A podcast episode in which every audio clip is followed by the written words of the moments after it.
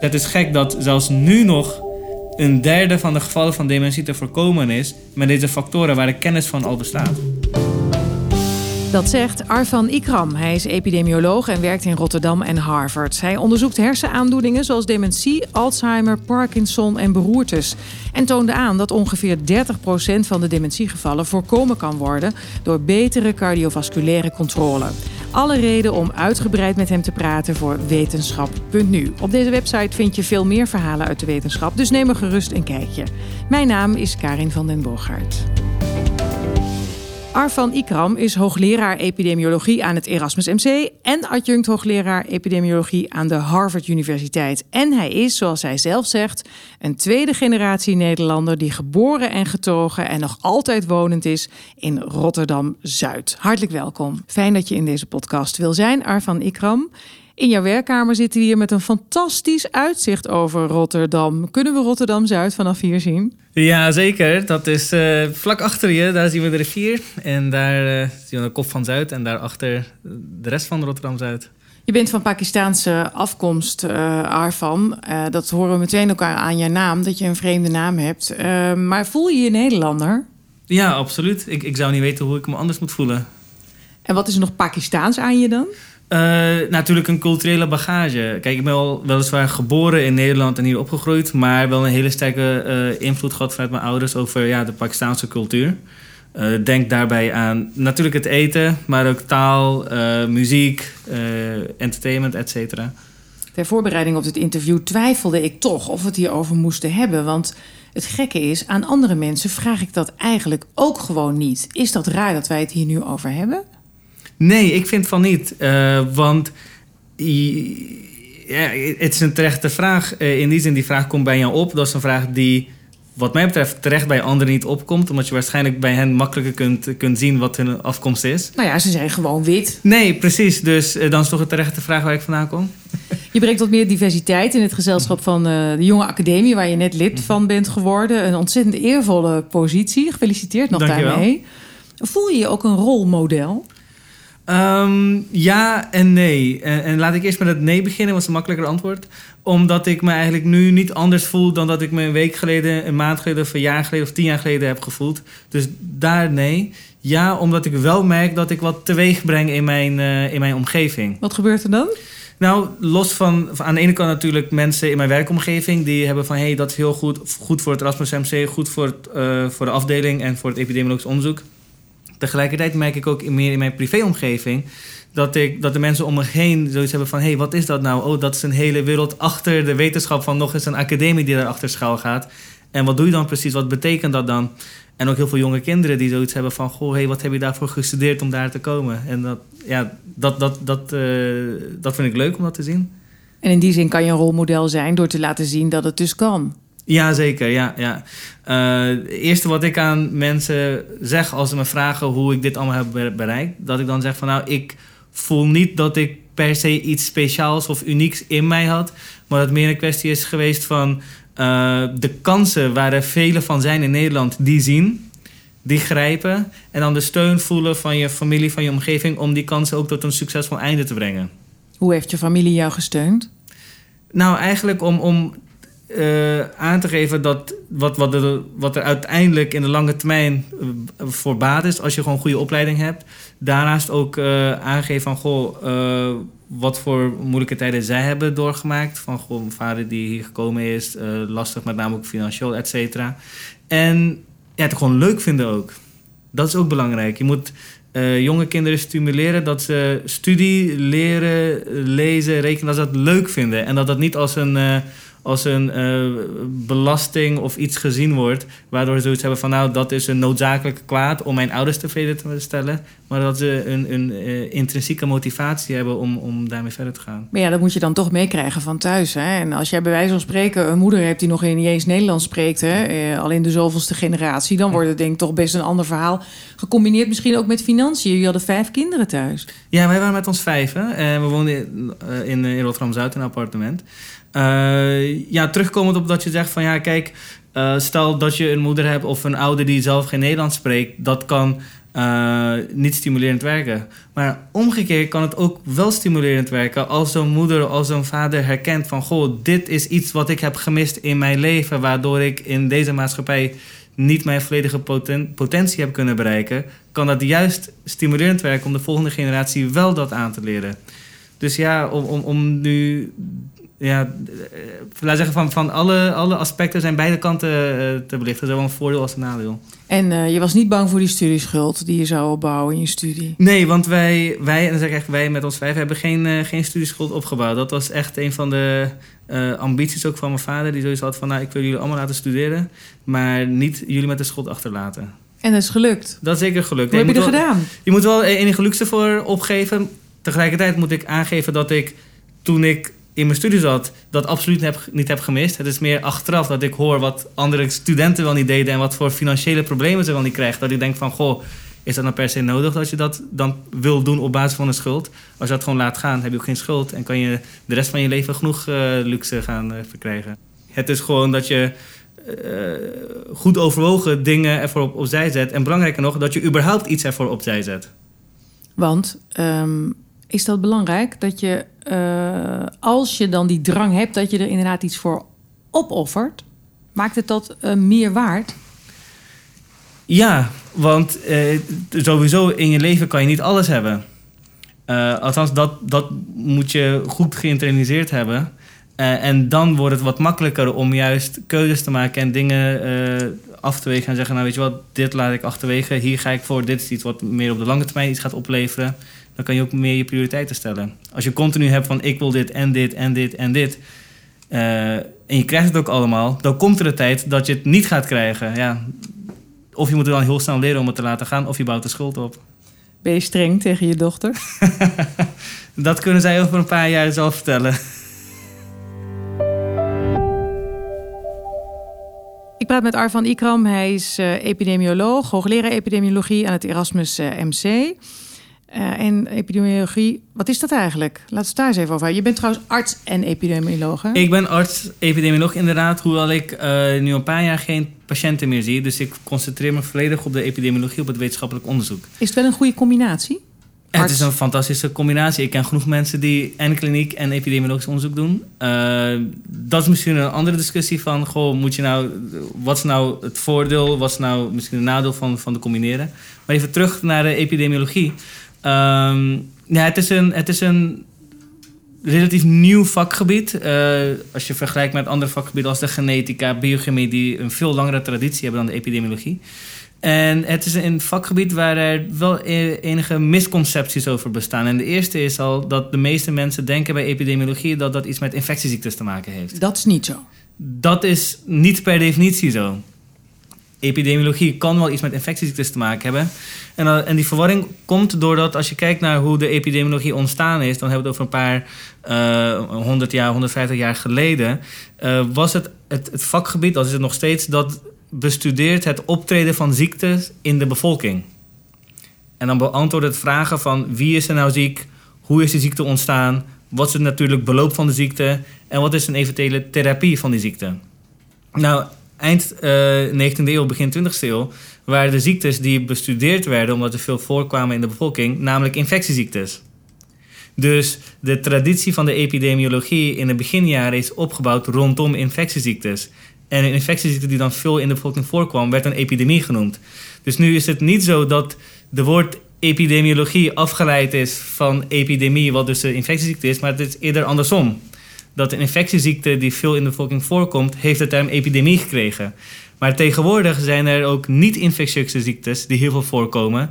En dus ook met een epidemie aangeduid worden. Denk aan de diabetesepidemie. Denk ook aan bijvoorbeeld de dementie-epidemie die er is. Het is dus niet terecht dat bij de epidemiologie meteen gedacht wordt aan infectieziektes. Bij de epidemiologie is dus een vakgebied wat dus gaat over het optreden van ziektes in de bevolking. En cruciaal bij de epidemiologie is dat het uh, je handvatten geeft op welke manier je je onderzoek op moet zetten om ook daadwerkelijk antwoord op je vraag te krijgen. Dus de epidemiologie zit helemaal vooraan in het traject, zou je kunnen zeggen, bij wetenschappelijk onderzoek. Het is de manier van denken over onderzoek van medisch-wetenschappelijke vragen. Dus als ik het goed begrepen heb, hè, het hm. werkt zo: uh, je hebt een vraag, -hmm. die je wil antwoord hebben. En dan ga je eerst eens kijken hoe je het onderzoek moet opzetten om dat antwoord te krijgen. Exact, en precies. En dit is, dit is eigenlijk de essentie van de epidemiologie.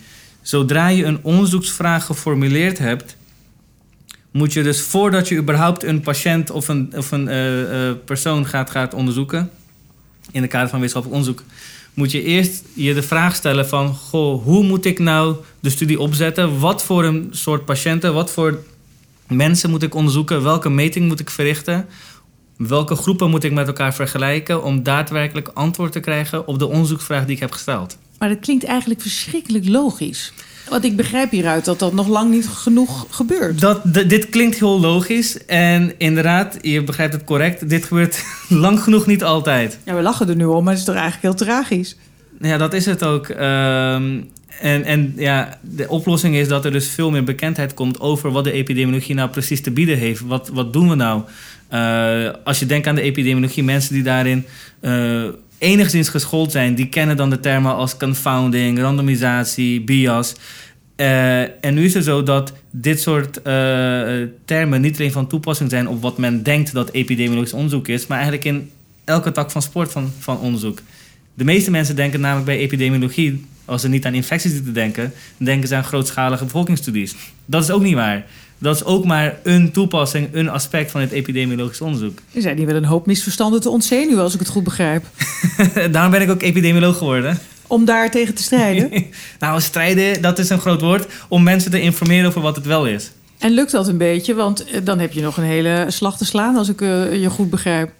Ja, uh, dat klopt. Nou, dat is onder andere ook uh, mijn, mijn uh, taak in het onderwijs. Met het Erasmus MC geef ik uh, een summer school in augustus... waarin we dus een summer school hebben in de epidemiologie. doen heel veel klinici aan mee. Ook in Harvard, waar ik ook in de zomer een heel cursus geef van een maand... die speciaal bedoeld is voor klinici die onderzoek willen gaan doen... en waar ik ze dan de beginselen van het onderzoek doen bijbreng. Je nam net termen als uh, confounding, randomisatie en bias uh, in de mond. Kun je dat kort uitleggen? Ja, dit zijn eigenlijk uh, termen die gebruikt worden als jij twee groepen, bijvoorbeeld twee groepen patiënten of een patiëntengroep met een gezonde groep met elkaar vergelijkt en je daar een conclusie op wil baseren, dan moet je je bedenken of de conclusie wel gerechtvaardigd is gegeven de vergelijking die je gemaakt hebt. En de fout die je bijvoorbeeld in die vergelijking gemaakt zou kunnen hebben, dat kan dan ontstaan door dingen als confounding of door ander soort bias. Dat zijn dus eigenlijk technische termen voor wat er precies kan fout kan gaan, in die vergelijking. Ja. Ik kan, ik kan een simpel voorbeeld uh, geven als uh, je geïnteresseerd zou zijn of uh, ik noem wat, het, het drinken van koffie het risico op dementie verhoogt of verlaagt. Uh, dan zou je mensen die uh, koffie drinken kunnen vergelijken met mensen die niet koffie drinken. En dan kan je zien of dat nou een hoger of lager risico op dementie geeft. Maar je moet bedenken dat koffie drinken vaak gepaard gaat met roken. En als je een verband vindt, komt, ligt er aan koffiedrinken zelf of aan het roken. Dat heet dan confounding.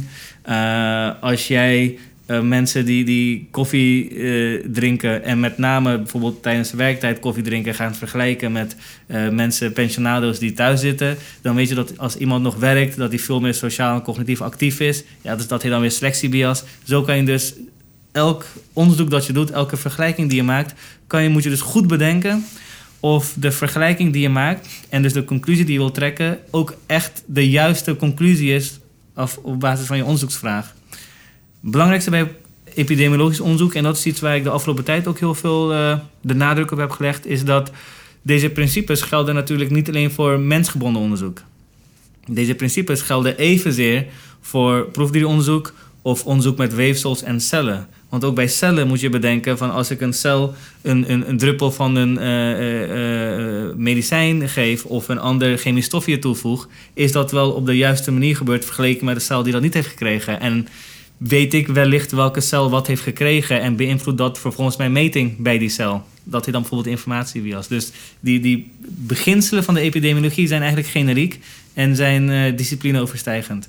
Dus goed uitkijken dat je daar niet, dat is in feite een soort valkuil waar je dan in kan stappen, dat je daar niet in stapt. Precies, precies. En de epidemiologie vertelt niet alleen wat die valkuilen zijn, maar vertelt ook hoe ze nou precies ontstaan, hoe je ze kunt herkennen en wat je eraan kunt doen.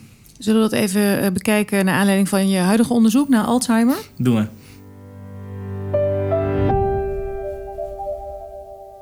Arvan Ikram, we hebben het over de valkuilen gehad... Uh, die epidemiologisch onderzoek in zich kan uh, bergen. Kun je dat nog wat nader uitleggen als je het hebt over je huidig onderzoek? Je doet onderzoek naar de ziekte van Alzheimer. Hè? Waarom deze ziekte? Uh, nou, om meerdere redenen. Eén, het is een uh, zeer complexe ziekte. Uh, ik vind hem complexer dan bijvoorbeeld een aantal andere ziekten. Het is een ziekte die ook heel laat in het leven optreedt. Waardoor heel veel mensen ook allerlei andere comorbiditeiten hebben. Denk aan dat ze en diabetes hebben en hart- en vaatproblemen en een beroerte. Dus het, het ontrafelen van de verschillende effecten is lastig.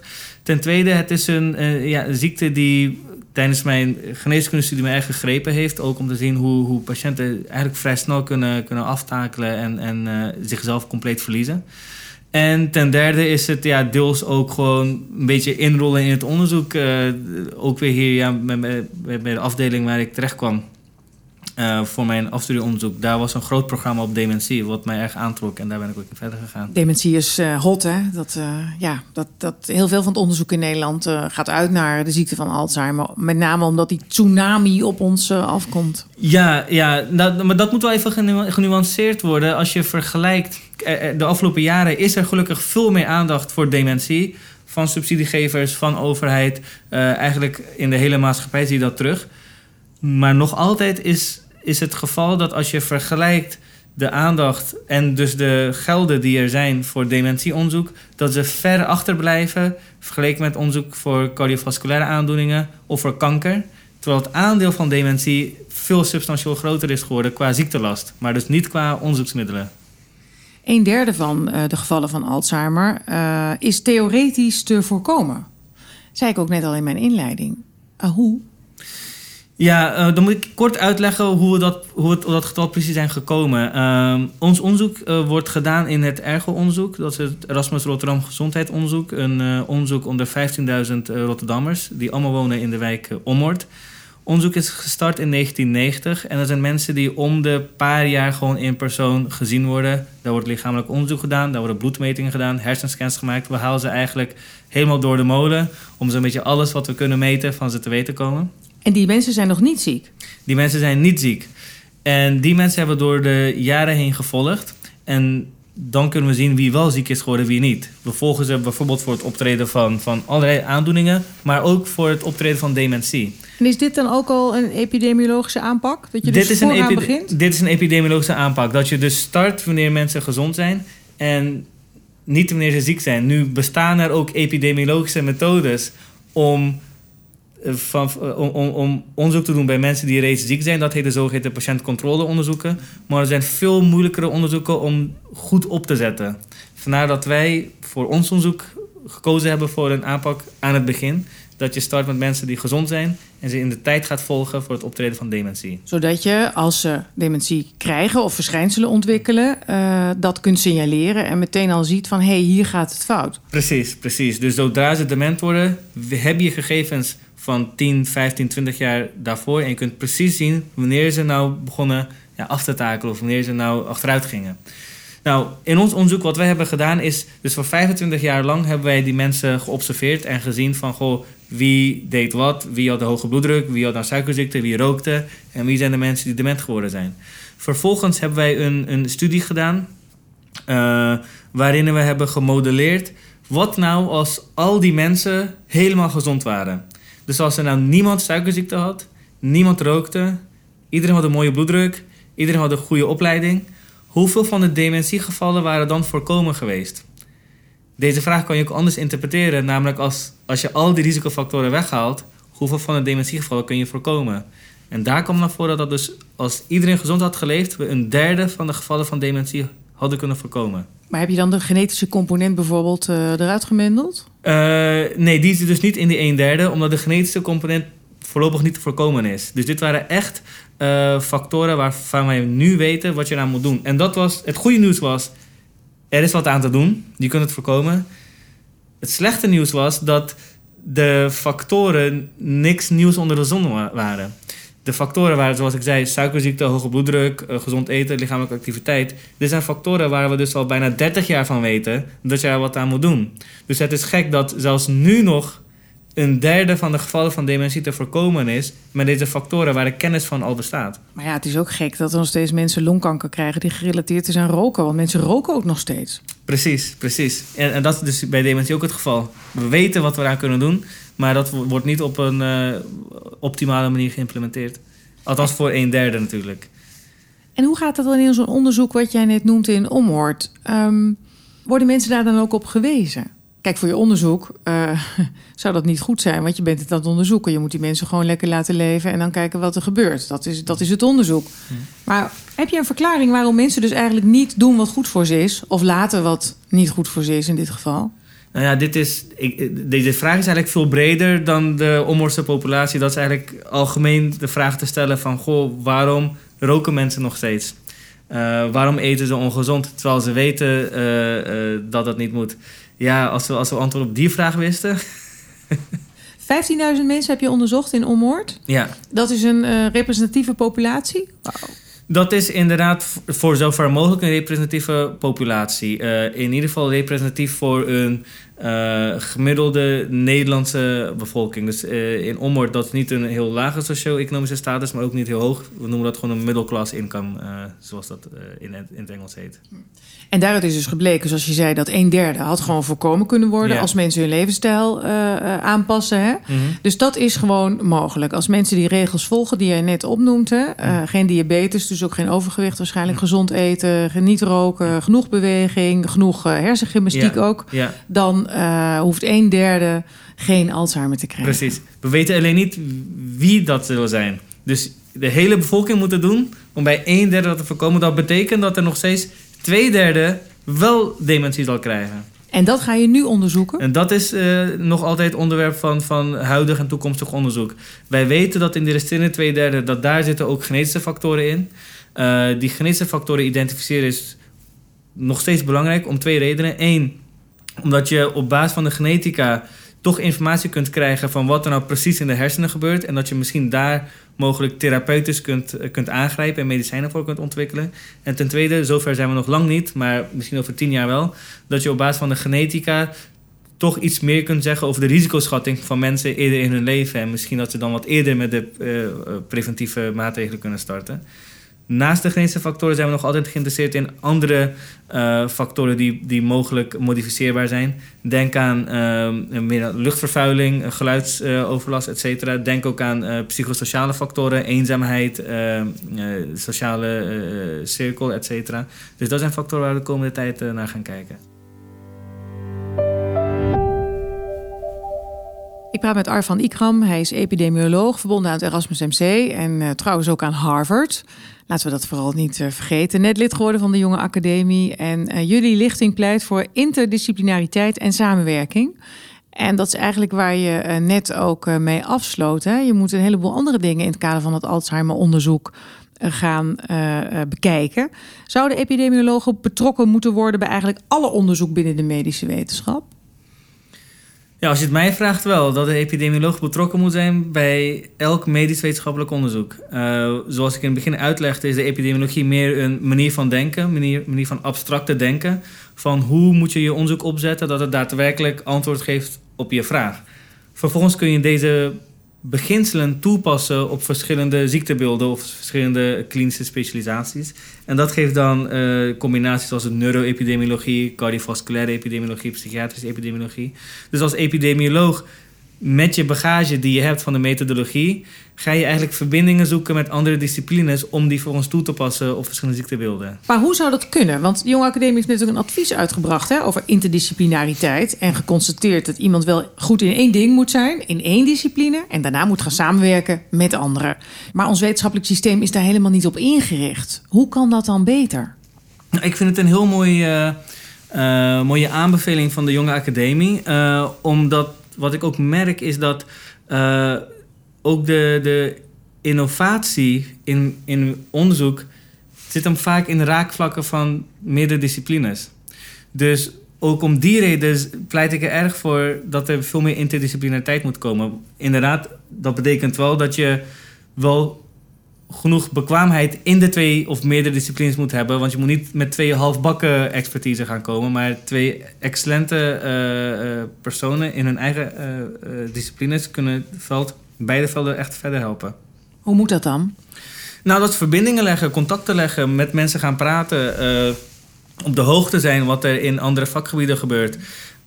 ja, dat kan je actief doen. Wat ik zei, contacten leggen dat kan, kan ook gefaciliteerd worden. En de Jonge Academie is daar een ideaal platform voor. Ja, en daar ga je voor inzetten. En waar je ook voor gaat inzetten, ik citeer, is om doelgroepen en talent aan te boren die meestal verstoken blijven van wetenschappelijke ontplooiing. Ja, ja. Waar doel je op? Nou, eigenlijk doe ik weer op, op waar we het helemaal aan het begin hebben gehad. Dat ik merk uh, dat ik toch wat in mijn omgeving uh, teweeg breng. Puur en alleen dat ze nu zien van... Goh, hey, dit is iemand die toch in, in, in de regionen als de jonge academie terecht kan komen. Hoe heeft hij dat gedaan? Wat voor studie heeft hij nou gedaan? Dan moet ik ze eerst überhaupt uitleggen wat uh, epidemiologie is... voordat ik kan gaan vertellen wat mijn onderzoek is... en dan kan vertellen wat de jonge, jonge academie doet. Jij praat wat af. Ja, precies. Maar wat ik wel merk is dat er juist in dat soort doelgroepen er ook heel veel talent rondloopt. dat überhaupt niet op de hoogte is wat de mogelijkheden zijn. Ik zei eerder al dat er heel veel kansen zijn en dat het vaak een kwestie is van de kansen herkennen. Niet zozeer een kwestie van een kans geboden krijgen, maar een kans herkennen en hem grijpen. maak dat eens expliciet. Je woont in Rotterdam Zuid. Daar dat is een kaleidoscoop aan uh, bevolkingsgroepen die daar uh, samen zijn. Heb jij echt daadwerkelijk ehm, jonge mensen ontmoet die tegen jou zeiden: hey, hoe heb jij dat gedaan? Dat wil ik ook. Ja, ik, ik moet hierbij wel bekennen dat ik nog niet uit mijn buurt mensen heb gehad die die vraag hebben gesteld. Maar wel heel vaak uh, de afgelopen tijd op mijn werk. Dat ik uh, mensen heb gehad die uh, bijvoorbeeld geneeskunde hebben gestudeerd of een andere studie hebben gedaan. Ik had onlangs iemand die farmacie in Utrecht had gestudeerd en via via via uh, was, was een uh, jongen van Turkse afkomst. Uh, die wilde weten van, goh, ik wil graag even advies van wat moet ik? Ik heb het gevoel dat ik een beetje vastloop in mijn carrière. Ik heb ook niet alleen mensen van, van afkomst, maar ook mensen van Nederlandse afkomst die zoiets hebben van, goh, ik zit een beetje vast. Ik ben die en die kant opgegaan. Ik wil toch iets met wetenschappelijk onderzoek doen. Hoe kan ik het inrichten? dus ik merk wel dat, dat er behoefte is bij mensen om, om dit soort ja, adviezen te krijgen. Ik doe dat graag. Uh, en ik merk ook dat ze daar wel uh, verder mee kunnen. Dus ook in dat opzicht een rolmodel. Ja, ja, ja precies. Omdat uh, inderdaad, ja, ik kan alleen maar ja zeggen. Of je het nou wil of niet. en je hebt het zwart op wit gezet voor de jonge academie. Ja. Dus iedereen die deze podcast luistert, die kan ik naar je doorsturen. Ja, zeker. Wat, wat ik ook zei, ik zie het ook als een, als een, als een rolmodel. Heb je ook een rol die je moet vervullen. en dit is dan de rol die ik graag ook vervul.